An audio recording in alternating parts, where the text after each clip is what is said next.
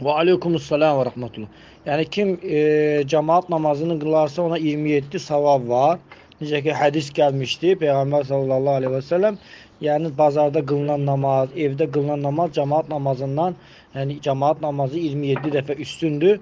Amma şək yoxdur ki, e, cemaatın çoxluğundan savab fərqlənir. 27 var, amma ümumən cemaat nə qədər çox olarsa, e, Allah qatında, yəni o insanın savabı artır, çoxalır. Şək yoxdur. Meçid uzaq olarsa, addımlar atarsa, hər addıma e, bir savab və bir günah silinir. Bunlar hamısı, yəni şək yoxdur ki, e, hesaba alınır, yəni əcr qazanır, savab çoxalır, bəli. Nə qədər adam çoxalarsa, savab çoxalır.